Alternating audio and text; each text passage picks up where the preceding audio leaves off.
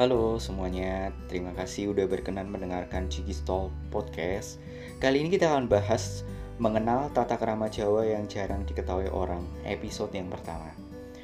Kebetulan aku emang lahir dan besar di Jogja Solo, jadi aku pengen share buat teman-teman, terutama millennials, apa sih tata kerama yang harus dipertahankan karena itu emang baik ya bagus buat kehidupan kita sehari-hari yuk kita bahas yang pertama berbicara dengan orang yang lebih tua dan yang belum akrab menggunakan bahasa Jawa kromo halus atau kromo inggil. Ya usahakan sebisa mungkin jangan takut salah. Seandainya nanti salah pun kita kan dibenarkan, dicontohkan yang benar oleh lawan bicara kita. Susah, iya, karena nggak dibiasakan loh tapi orang tua aku nggak ngajarin ya berarti kita yang harus belajar gitu malah justru kalau kita belajar orang tua pun akan belajar juga gitu nanti akhirnya. Bagus lagi nanti kita turunkan kepada anak cucu kita nanti gitu. Kedua tidak boleh menyebut nama orang yang lebih tua dengan sembarangan yaitu dengan hanya nama saja tanpa kataan kata sapaan panggilan. Misalkan kan di keluarga Jawa ya atau kekerabatan Jawa itu pasti ada yang namanya kata sapaan panggilan. Misalkan Mbah, Mas, Mbak, uh, Bude, Pak D, Pak Le. Nah, jadi kalau kita manggil orang tanpa kata sapaan itu dianggap nggak sopan, racak atau kualat gitu kan. Misalkan kita mau nyebut dan menceritakan tetangga kita yang bernama Supartiem. Ya pokoknya ya, usahakan selalu menggunakan kata sapaan panggilan meskipun beliau yang bersangkutan ini saat kita bicarakan dan sebut namanya beliau sedang tidak ada tempat. Bu Supartiem niku Bude Supartiem niku pripun nggih? Nah, kayak gitu-gitu. Jadi tetap harus ada sapaan panggilan.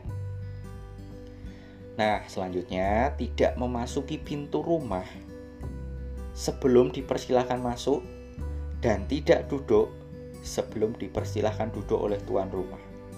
Jadi kalau tuan rumah itu belum mau mempersilahkan ya jangan duduk dulu. Itu adalah norma kesopanan. Itu adalah kayak kita punya rasa gitu loh sama dengan tuan rumahnya. Kalau tuan rumahnya itu menyambut dengan baik, kita pasti langsung disuruh duduk, disuruh masuk gitu. Itu etika yang harus tetap dipertahankan sampai sekarang.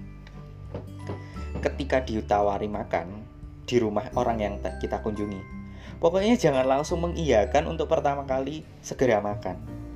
Tunggu sampai benar-benar diminta makan oleh tuan rumah, dipersilahkan dan makanan memang telah siap dihidangkan gitu. Terkadang para tuan rumah itu hanya sekedar menawarkan aja sebagai wujud sambutan kehangatan saat tamu datang. Jadi belum tentu makanan itu siap dihidangkan gitu loh. Nah itu perlu jadi catatan juga. Nah misalkan kita nih ada lagi lewat atau lagi duduk ada yang sedang makan menawari makan. Pokoknya jangan berharap lebih lah yang akan membagi makanannya buat kita gitu. Soalnya tuh rata-rata itu hanyalah sambutan hangat juga gitu. Dan nggak mungkin kan kita cicip-cicip rebutan makan sama yang makan. Gitu. Oke lanjut ya. Sebaiknya tidak mengambil makanan sebelum dipersilahkan oleh tuan rumah. Meskipun makanan tersebut sebenarnya dihidangkan untuk kita gitu. Jadi kalau nggak dipersilahkan, kita jangan makan dulu. Pokoknya sampai harus dipersilahkan. Terus yang kedua, ketika kita sudah dipersilahkan, berikan untuk yang sepuh dulu, yang lebih tua. Mengambil makanan lebih dulu, baru kita yang muda. Gitu. Lanjut ya. Jika kita disuguhkan air minum di ruang tamu nih misalkan. Sudah habis berarti itu udah kode untuk kita pulang. Menyelesaikan pembicaraan menutup pembicaraan itu mau pulang. Pokoknya jangan sampai meminta untuk menambah atau mengisi ulang gitu. Jika tidak tuan rumah sendiri yang menawarkan gitu. Atau tiba-tiba langsung memberikan isi ulang air minum tadi. Pokoknya jangan ya itu tabu terus tidak membelakangi orang tua. Ya sih tidak mungkin kita menyamping lah jangan membelakangi menyamping lebih baik. Kalau bisa nggak menyamping ya lebih baik lagi. Tidak boleh membelakangi pintu yang terbuka. Jadi ketika ada pintu yang terbuka kita nggak boleh di depannya pintu itu. Nggak baik itu bukan masalah pamali dan tidak pamali tapi secara rasional nggak baik buat kesehatan angin ya kan tekanan udara luar dan dalam itu beda mengalir di pintu masuk angin. Selanjutnya apa?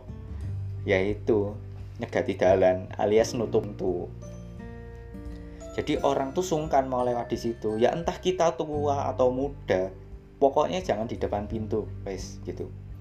Kita kasih mereka yang mau lewat. Terus tidak boleh berdiri tepat di depan orang tua yang sedang duduk. Setidaknya jengkeng. Atau setidaknya jangan nganyur. Nganyur itu kayak kita berdiri pas di depan orang tua yang berdiri gitu. Lah kalau di KRL gimana? Waduh ini KRL agak susah ya jawabnya ya. Ya intinya itu nggak boleh di depan orang tua itu seolah-olah kita lebih tinggi derajatnya gitu dan merendahkan orang yang lebih sepuh di depan kita. Intinya itu sih terus saat datang dan pergi harus saling pada orang tua. Ya jelas ini norma sambutan.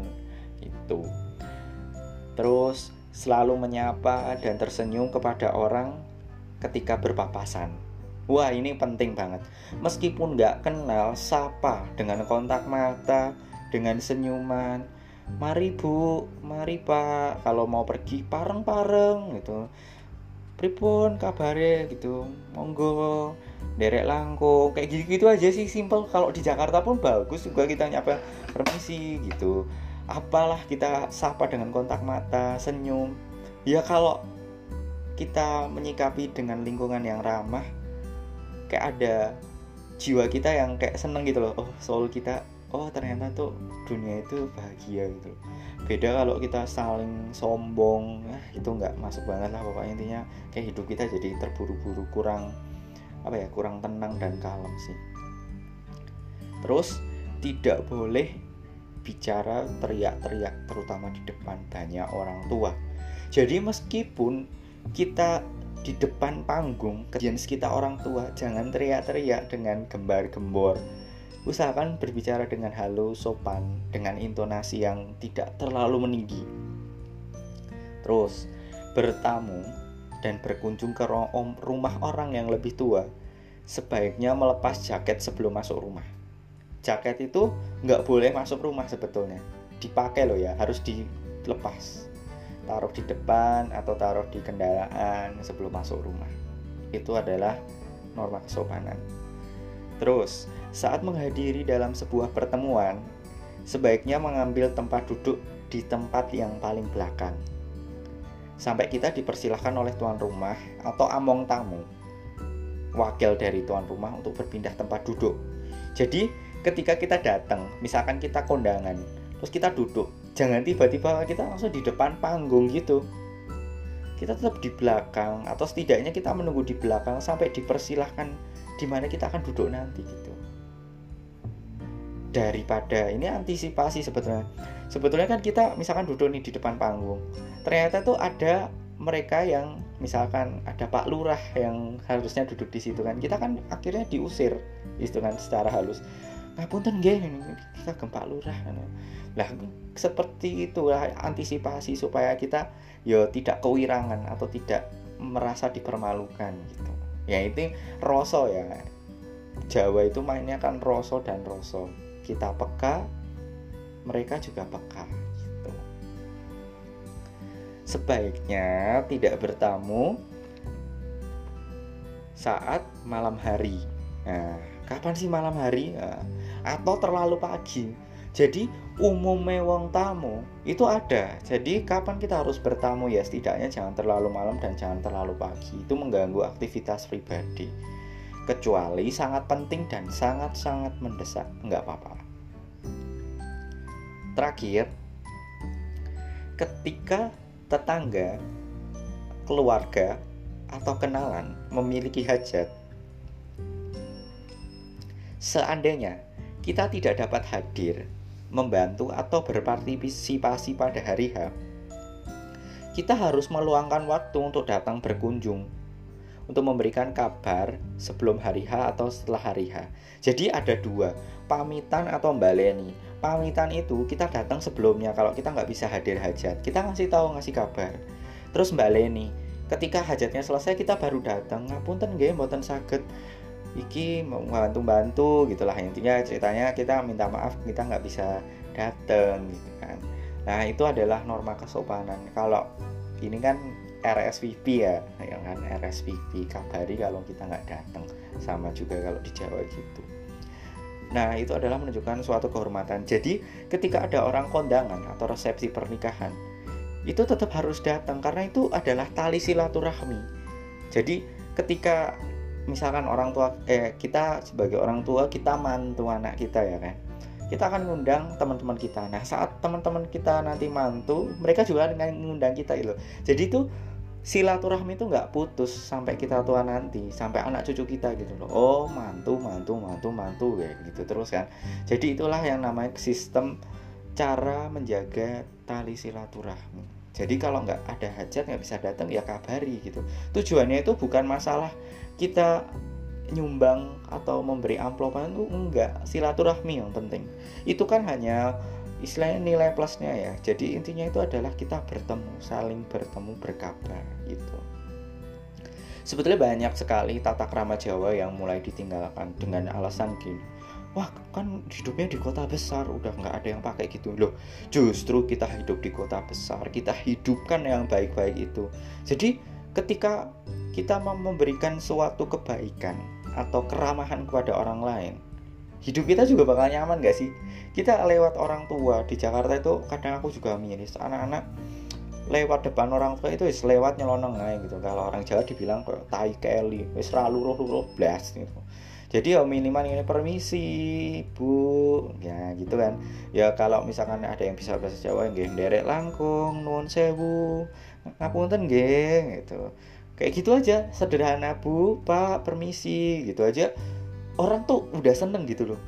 Apalagi kalau kita dengan sopan menundukkan kepala kayak kita nih misalkan nyebrang di jalan kayak motor kasih jalan kan. Jangan lupa tundukkan kepala ucapkan terima kasih secara kode.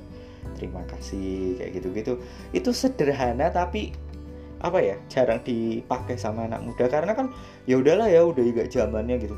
Eh aku sih malah justru terinspirasi dari Jepang. Jepang itu maju karena masyarakatnya bisa diatur dengan budaya. Budaya itu yang udah diwariskan leluhur kita itu bagus banget. Malah harus dilestarikan.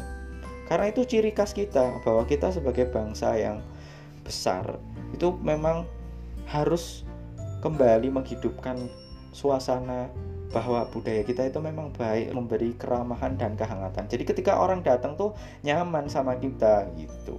Jadi itulah ya pokoknya banyak sih yang perlu aku ceritakan juga nanti di episode 2 tentang tata krama Jawa ini. Pokoknya ketika kita memberikan uh, perbuatan positif ke orang lain atau perkataan atau perlakuan positif ke orang lain itu bakal balik ke kita.